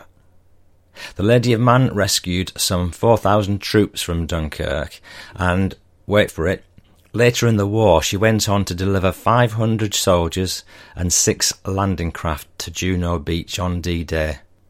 Sadly, she was broken up for scrap back in 1971. Ever since I started on Dad's book and, and the podcast, I've kept my ears sharply peeled for any, any news of the Lady of Man, and now I want to share with you some absolutely amazing news. Someone is in possession of one of her lifeboats. I'll say that again. Someone is in possession of one of the Lady of Man lifeboats. Oh my goodness. This is a lifeboat from the ship which rescued my dad from Dunkirk. To think that he could have been standing within three feet of her as he stood on deck. She saved the lives of several people mentioned in this podcast, including Dad's Major Petch and Frenchman Maurice Burrell and Wilf Shaw's chums went downstairs in her for a, le- a leisurely shave as she tried to outmaneuver the bombs dropping around her. The Lady of Man was lifeboat number eight on board the RMS Lady of Man. After the mothership was broken up, the lifeboat was sold off and converted into a fishing boat which operated out of Maldon in Essex, England for many years. Then Mr. Matt Kane from Surrey paid £3,000 for her in 2009, having found her rotting in a boatyard. And he's since been painstakingly restoring the boat, and he spent some £30,000 on her. The serial numbers on the boat confirm its World War II heritage, and the Lady of Man has now been formally accepted by the Dunkirk Little Ships Association and now Matt is planning to take it back to Dunkirk in May for the 80th anniversary commemoration of the Dunkirk evacuation. And I believe our very own Sarah Parry, great granddaughter of Captain Tom Woods OBE, is going to be sailing on her. There's a link in the show notes if you want to read the full story and see all the fantastic photos of this restoration adventure on the Daily Mail website. And listen to episode 10 to hear Captain Tom Wood's amazing memoirs. I think it's just fantastic that some tangible memory of this lovely old ship still exists. Sarah, do have a fab time crossing the channel. You'll be setting your foot back ashore at Ramsgate upon your return from France on Monday, the 25th of May. And maybe you can find a way to slip your hero grandfather's famous words into a sentence somewhere along the way. He said, We must go back again. Every one of those men in the water is someone's son. It's bringing a lump to my throat just thinking of that. And one final reflection on this whole story. Uh, Captain Tom, in his report, had said that three lifeboats had been holed by flying shrapnel from the shells. And I wonder if lifeboat number eight was one of them. I wonder if any repairs are visible on the inside of the hull. And I guess it would have been repaired during or immediately after the war, but I, I do wonder if there are any telltale signs. If I find out, I'll let you know. This is real train spotting territory now, of course. Sorry. I'd just like to share a couple of soldierly jokes I've stumbled across. Um, there's one here from uh, Ken Mooch Milligan from America, a former sergeant in the Marine Corps took a new job as a high school teacher. Just before the school year started, he injured his back. He was required to wear a plaster cast around the upper part of his body. Fortunately, the cast fit under his shirt, so it wasn't noticeable. And on the first day of class, he found himself assigned to the toughest students in the school. The smart aleck punks, having already heard the new teacher was a former Marine, were leery of him, and he knew they'd be testing his discipline in the classroom. Walking confidently into the rowdy classroom, the new teacher opened the window wide and sat down at his desk. When a strong breeze made his tie flap, he picked up a stapler and stapled the tie to his chest. Dead silence. The rest of the year went very smoothly. Thank you, Ken. Australian listener Shane Wesson recently wrote to me, uh, commenting on the comedy of war. Being military, we all know where the dark humour comes from. And Shane's told me quite a bit about his own family's military history, and I'm hoping to include that in a future episode soon along with some other listeners' family stories, uh, Danny Turnham's and Canadian Doug Lachinsky's. And I think I've tested the patience of the Pope, keeping Tony Trobe waiting for the next few stories. And Kaelin from earlier, you might be interested in this. It's just a few tales taken from a most magnificent collection written by Tony's father-in-law, Les Cook, who fought in Greece, Crete, Kokoda, Borneo, and served in the occupation forces in Japan. He's written many stories of his war experiences, mostly on the lighter side. He's 96, still cycling everywhere, and is still a very accurate and amusing raconteur. I never cease to be amazed at how there seems to be more funny anecdotes around than serious ones, but I think, as we've observed before in the Fighting Through podcast, soldiers sometimes turn to the humorous side to keep themselves sane. I'm planning a full episode based around Les Cook's stories because they are so good. So, uh, if you have any more Australian stories to add to this collection, uh, any sort, please do get in touch. For now, here is the lighter side of things. And the background to these stories is it's the, the Borneo campaign of 1945. It was the last major Allied campaign in the southwest Pacific area during World War II uh, to liberate Japanese held British Borneo. But there was always time for tea, even though the Brits weren't part of this story. And this story is called The Tea Break, written by Les Cook. We were holding the forward defence line on a track up the coast from Balikpapan in Borneo.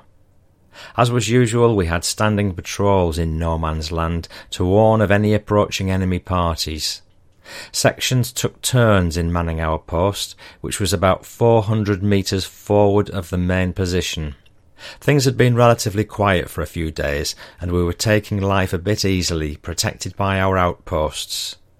We'd boiled the billy back in the company lines one day, and feeling some sympathy for the section manning the post, I said, I'll take a drink up to Lynchy's mob. The post was in an exposed position where it would not have been safe to light a fire. Carrying the billy of tea in my right hand, and with an enamel mug hanging from each finger of my left hand, which also held upright an opened can of unsweetened condensed milk, I set off up the track. For some inexplicable reason, I didn't carry a weapon or even wear my steel helmet. This was the first and only time during the whole war that I can remember being unarmed in a forward area. Looking back now, I cannot imagine what possessed me to do such a foolish thing. I was a Bren gunner at the time, and it wouldn't have been possible for me to carry the Bren, but I could and should have borrowed a rifle or an Owen gun. Strangely enough, nobody else seemed to notice my carelessness either. I was about twenty metres from the standing patrol when there was a burst of automatic fire from our people, followed by a general exchange of fire.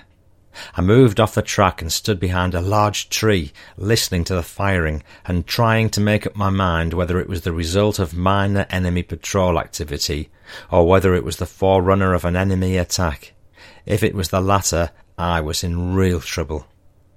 I've never felt so exposed or so useless in my life. The firing died down after a few minutes. The ridiculousness of my situation was such that it would have been an embarrassment for me to go back, so I went forward until I could see our people, some of whom were still firing, and I called in a stage whisper, Hey, Lynchy, do you feel like a cup of tea? His instant reply was, My oath, I'm as dry as a chip. Some, somehow made this all worthwhile. I've often thought that if that situation was portrayed in a film, no one would believe that it was realistic. yeah, I guess. Okay, here's the next one. That's uh, this is good, clean fun. The army placed great importance on hygiene, and for a very good reason. Armies have been decimated by disease since the dawn of time, much of it being caused or at least spread by the failure of people to understand the need for cleanliness. For this reason, strict discipline was exercised in the AIF to ensure that a satisfactory level of hygiene was maintained. Every unit had a special section dedicated to this purpose. For example, I think that this attention to cleanliness was behind the army rule that we must shave every day, even though many of us were so young that we really didn't need to. Beards weren't permitted. Experience had shown that if men stopped shaving, it wasn't long before they stopped washing, and their standard of hygiene continued to slide thereafter, with a marked drop both in health and morale. I have seen it happen. As can be imagined, the maintenance of a good standard of hygiene created some very unpleasant jobs and was sometimes irksome, but it was accepted as being absolutely essential for our well-being. It was also the source of occasional humour. Those of us who'd started our military service in the old First War camps with their extremely primitive ablution and toilet facilities were particularly disadvantaged, or blessed, depending on how one looks at it in comparison with those in the newer camps. The camp I was in at Seymour didn't have piped water. Mobile, iron wheeled, furphy water carts provided the only water at the toilet and ablution blocks. As a matter of interest, it was the location of these water carts, made by the Furphy brothers in Ballarat, next to the toilet blocks during the First War, that led to the use of the word Furphy to mean a rumour. Traditionally, rumours were started and spread at the toilets, or latrines as they were officially designated by the army. There was no electric power to the camp, the only lighting being from hurricane lamps. The toilet blocks were a long way from the tents. To accommodate the needs of several hundred men during the hours of darkness, sanitary cans were placed at regular intervals throughout the lines. These cans were about 40 centimetres high and 30 centimetres diameter, with two D-shaped carrying handles on the side at the top. They were made of galvanized steel coated with bitumen. Our hygiene section was not able to attend to this service for the whole camp, so working parties of ordinary soldiers were detailed each day to distribute the empty cans before dark and to collect the full cans next morning. The full cans were carried to a pit about 300 metres away from the tents, where they'd been emptied and washed. Those engaged on this duty worked in pairs. The task had to be completed before breakfast. It was winter, and we wore woolen mittens or gloves at night because of the cold. The cans would often be overflowing when we pick, when we picked them up in the mornings. As we, as we carried them over the uneven ground in the half light, the contents would spill over the sides, saturate our gloves, and occasionally the sleeves of our coats. It was not the most popular job in the camp, and we grumbled much when it was our turn. But it had to be done, and looking back on it, I suppose that it did have its moments of humour, particularly when someone else suffered a misfortunate accident. We'd not lived in tropical areas before we went to New Guinea after coming back from the Middle East in 1942. Prior to moving into the Owen Stanley Mountains on the Kokoda track, we camped for a short period in open grassland at Bootless Inlet, not far from Port Moresby. The grass was about 60 centimetres high and it was dry. The risk of disease in the tropics was apparently much greater than elsewhere we'd been, so special attention was being paid to hygiene. One of the new rules was that all empty cans must be burned to remove any traces of food from them before they were dumped. This was to make them unattractive to the many flies that abounded there and were said to be responsible for spreading disease. The important task of burning the cans had been assumed by the hygiene corporal himself, and he made an entertaining three. he made an. he made an entertaining three act play out of it. We'd be eating our meal scattered in small groups, sitting on the ground around the cookhouse when it was done. The empty cans had been put in a 44 gallon drum with an open top outside the cookhouse. Having obtained a large can of petrol from the transport lines, the corporal would tip most of the petrol over the cans in the drum. Then, walking backwards, he would lay a trail of petrol on the ground to a point about five metres from the drum. On arrival at his predetermined position, he'd replace the screw cap on the empty petrol can and place it on the ground behind him. Behind one ear he carried a cigarette rolled previously for the occasion. Placing the cigarette in his mouth, he'd strike a match and light the cigarette. Then he'd throw the lighted match onto the petrol trail in front of him. This would ignite immediately and and burn its way to the drum, which became engulfed in flames. Having accomplished this, the corporal would stand back with arms folded and smoke his cigarette, very proud of his handiwork. One day, either by mistake or because some wag had put it there, a full can of sorry, a full can of a green vegetable had got in it with the empty cans. This can exploded when it got hot, splattering the corporal with pieces of hot vegetable and blowing out a shower of empty cans containing burning petrol, each of which started a fire in the long grass. As can be imagined, there was great hilarity from everybody except the hygiene corporal, who refused to believe that it had been an accident and made all sorts of defamatory remarks about us and our parents. He wouldn't even give us any credit for helping him extinguish the many resultant grass fires. Oh dear, I'm exhausted. This is another one. Uh, it's called A Welcome Event. Uh, and this is about a young officer or a young soldier who's uh, got his partner pregnant. It had taken about two months for us to get from our positions in Syria to Australia and we'd not received any mail during that time. Mail came aboard when we docked at Fremantle, and one young soldier who'd been married when he was on final leave received a letter from his wife informing him that he'd just become a father. It had been more than eighteen months since we'd left Australia, and and it was obvious, even to the least experienced of the rest of us, that something was wrong. The young soldier was ecstatic at the news, however, and almost drove everybody mad, boasting of his prowess. Anyone who stood still long enough was required not only to listen to the news, but also to read the letter. It was decided among the platoon that somebody should put this young man straight on the facts of life. The platoon sergeant was acquainted of the situation, and it was pointed out to him as senior NCO that it was his responsibility.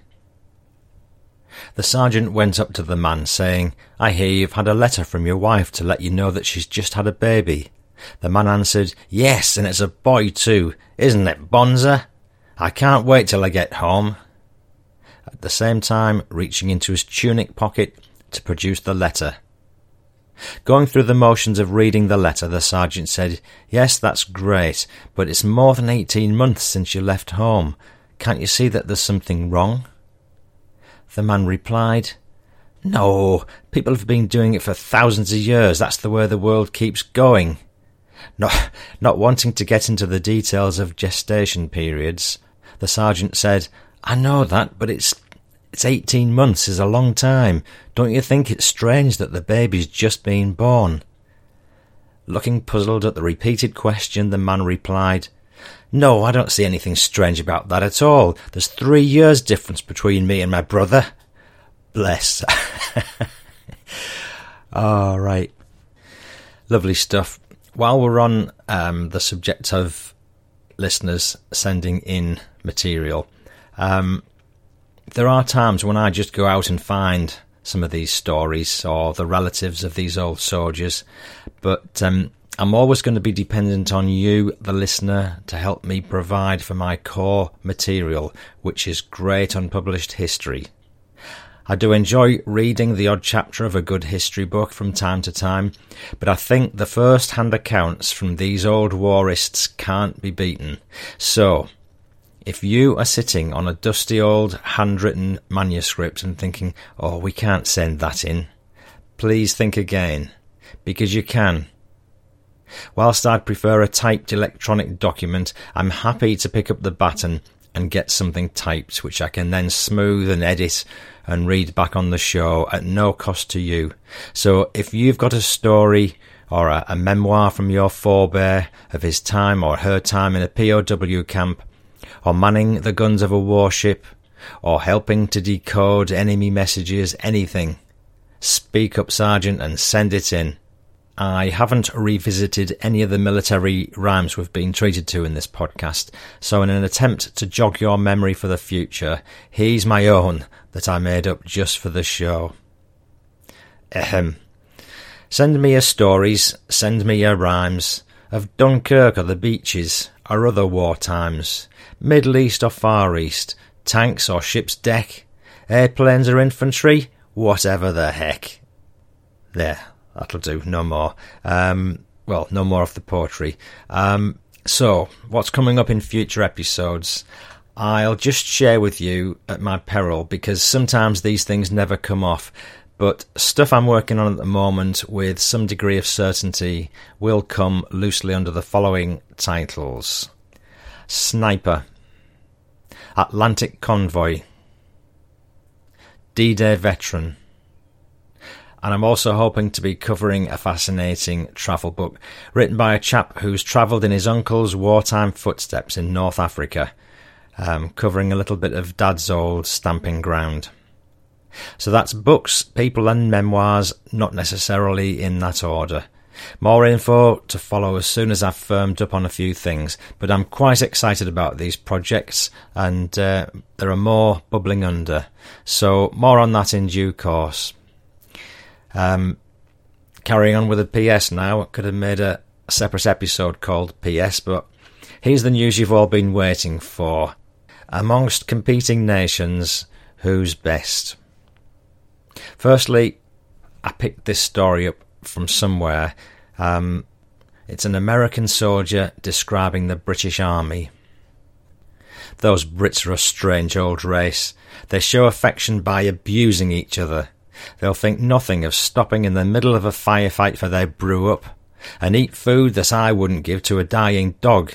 But f me, I'd rather have one British squaddy on side than an entire battalion of Spetsnaz. Why? Because the British are the only people in the world who, when the chips are down, and there seems no hope left, instead of getting sentimental or hysterical, they'll strap on their pack, charge their rifle, light up a smoke, and calmly and wryly grin. Well, are we going then, you Sorry, I've got a sense of those swear words for obvious reasons. Um, don't you just love hearing about the tales of rivalry between these various friendly nations? But someone recently drew my attention to a serious news article that would seem to settle once and for all who's best. So, at the risk of breaching copyright, I'm prepared to share it with you only. So, please don't share it around because I think it was leaked from uh, one of the British Embassy staff, so it's a bit hush hush. The article's headed up how modern day archaeological digs have exposed the differences between the Americans, Canadians, and Brits. Here goes. Having dug to a depth of 10 feet back in June 2019, Canadian scientists have found traces of old copper wire and proved that the Canadian Army had a telephone network more than 150 years ago. And coincidentally, just five weeks after that, some Americans dug to a depth of 20 feet. The press report said American archaeologists finding traces of 200 year old copper wire have concluded that their ancient ancestors had a high tech communications network 50 years before the Canadians. And blast me, only one week later, the British authorities have reported the following. After digging as deep as 30 feet in North Yorkshire, former World War II veteran Wilf Shaw, a self-taught amateur archaeologist and Oldham Football Club supporter, reported that he'd found absolutely rock all. Wilf concluded that 250 years ago, Britain had already gone wireless. Doesn't it just make you proud to be British? Right, Blimey, no wonder it's taken me three months to get these episodes out. I, could, I couldn't stop laughing half the time, so I've, I've recorded it five times. Um, right, what's coming up next? Yes, we're getting to the, the end now. I want to cover something a little bit more serious now. Um, Rufty Hill is always popping up in this podcast. He was a well respected, tough soldier a good scrapper and one of the lads, as my dad described him. Sadly, he died a tragic death on D-Day, so to help bring this episode to a close, here's a passage in tribute to Rufty from episode 25 when we hear the story behind the photo of Rufty and his pals plus Winston. This passage is taken from Operation Scipio about the Battle of Wadi Akarit in Tunisia, North Africa, and it's a great book by Barry Barnes. The story's told by another hero, Bill Vickers, and there's a little prelude to all this because amazingly, only three weeks earlier, Bill Vickers had won the military medal during further fighting during an associated battle of Mareth. And here's the description of the action that led to it. It's taken from Singe, the story of the Green Howards. So this is the official citation for Bill Vickers getting the military medal. Private F.W. Vickers, a number one Bren gunner of B Company, behaved with great gallantry. Most of his section had been wounded by a mortar bomb, and the enemy fire was intense. Private Vickers, on his own initiative, worked his way around the flank of a strong machine gun post and charged it by himself, killing or wounding most of the crew and capturing one prisoner. By this action, the remainder of his platoon were enabled to capture the position. His courage and dash proved a great inspiration to his comrades. Listeners, that's just one example of the breed of lad who was fighting this war for us, prepared to put their own lives in danger in order to help his comrades. And here's the Wadi Akarit tribute to Rufty, as told by Bill Vickers. This is about 17 platoon, D Company, the 6th Green Howards. We got along the top of the Wadi, a dried up riverbed, and our platoon was well forward. Our section was led by Sergeant William Allen Hill, who was my best mate. Rufty was his nickname. We came onto a German Spandau machine gun post and took all the crew prisoner in their slit trench. They were all Afrika Korps men, and one of the lads took them back the way we'd come. The rest of us got into the slit trench. Below us in the wadi was a piece of high ground that could best be described as an island. On it was a 50mm anti-aircraft gun and an anti-tank gun. We opened fire on the crews with the captured German machine gun and my Bren gun, killing or wounding both crews. The anti-tank gun had a clear view of the entrance to the wadi, and I believe it was this gun that was responsible for the two knocked out tanks standing motionless at the entrance. On one an officer was hanging out of the turret with his entrails blown out. His sergeant was dead on his hands and knees, being killed by the blast. Someone on the island fired at us, and I was hit on the left front of my steam helmet by a tracer bullet which dented my helmet. While we were in the slit trench, a couple of vehicles came up to the island with ammunition for the guns, and they were unaware we'd got so far into the wadi. We took the drivers prisoner, and our men drove the vehicles out. Our section opened fire on the island to give covering fire to our mates as they went into more covered slit trenches, taking more prisoners. From our position, we could see the 51st Highland Division on the slopes of the high ground to our right. The enemy started to shell and mortar them, and they took cover. Our fighter bombers roared over us and strafed and bombed the enemy on the open ground beyond the wadi. At the same time, 25 pounder shells from our own artillery were flying over us and landing on the open ground. Our D Company moved forward and out of protection of the wadi. The enemy must have been waiting for us to come into view as we were shelled, mortared, and machine gunned constantly. There were plenty of slit trenches to take cover in, but not before we'd taken numerous casualties. The men I saw hit were Company Sergeant Major Jim Oliver, Military Medal. He was an old regular soldier who'd served in India with our 2nd Battalion before the war. The company runner, who was a reinforcement from Devon, and a lad from the signal platoon. When there was a lull in the fighting, we buried them where they'd been killed. Listener, that's the end of the passage.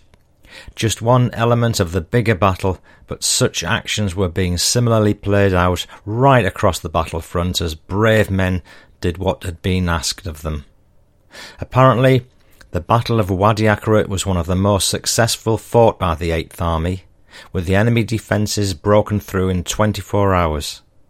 Although Allied casualties were high, with several hundred dead or wounded, there were also several medals won. There's one final anecdote to come from a young soldier about to land on Gold Beach. But first, I want to underline the epic journey that we've all been on so far by reading from the last poignant chapter of Dad's book. You've never heard this before on the podcast.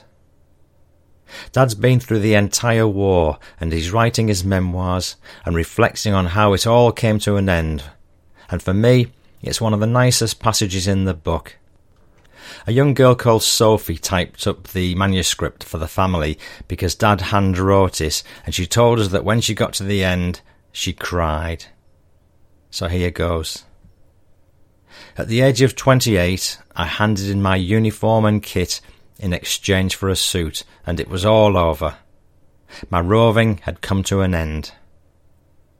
What a tremendous impression those six and a half years had made upon my life. It was all a memory. But what a memory! The recollections stored in my head were priceless gems. I'd like to conclude my memoirs by saying soldiers of the Second World War were a rare breed of men. Boys of 19 quickly became stout hearted men of great calibre who fought without fear for survival against a ruthless enemy. Not only the enemy, but the trauma and deprivation endured, particularly in the desert. Being in action time after time, not knowing if they would be blown to pieces. They all came from the upper echelon of mankind. I would always remember them and pray for the souls of the pals we all knew who fell by the wayside, giving their lives. I must also pay tribute to the nurses and doctors who tended our every care when we were wounded, and not to forget the medical teams in the field hospitals. Sailors and RAF boys, WAAFs, Wrens and NAAFI girls, and Red Cross. All these people were top draw. I should also give praise to a group of people who were heaven sent to service people. The ladies of the Salvation Army and Women's Voluntary Service were the backbone of a group of people who were always there if help or a cup of tea were needed. They were great. Without all these people being mindful of the other's needs, the war would not have reached its successful conclusion. I feel very proud to have served my country and to have lived through this generation of men. We've got the PPS coming up now, so uh, before that, there's just a few people who are kindly helping to close the show. I'm Stan Perry, and I'm saying bye bye now. I'm Stevie Stevens, and I'm saying bye bye now. I'm Ann Cheall, saying bye bye now. I'm Victoria, and I'm saying bye bye now. I'm Claude Reynolds. Bye bye. I'm Savannah Harris saying bye bye now. Thank you to all you people for being such good sports recording those uh, little bye byes. Um, we're now going into the final section of the show, the PPS, after which I'll be saying bye bye. This final clip is from episode 45 and the book D Day The Battle for Europe by Dick Bowen and Molly Burkett. Dick Bowen was in the 5th East Yorks on D Day.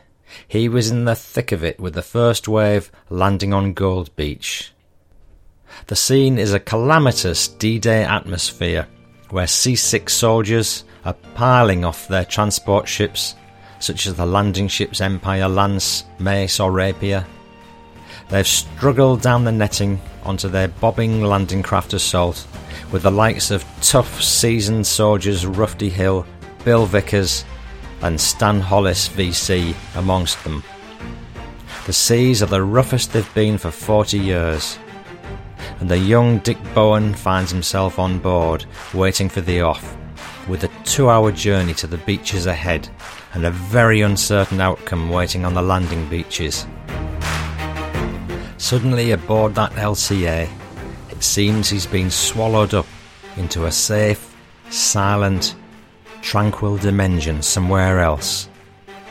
And I just love what he says about his frame of mind at that point. We reached a landing craft, and I was in a different world. All the men were wearing campaign ribbons, and they were so calm. They were real men, real soldiers, and I felt elated to be amongst them. That was Dick Bowen, and I'm Paul Cheall saying, Come on, you absolute heroes!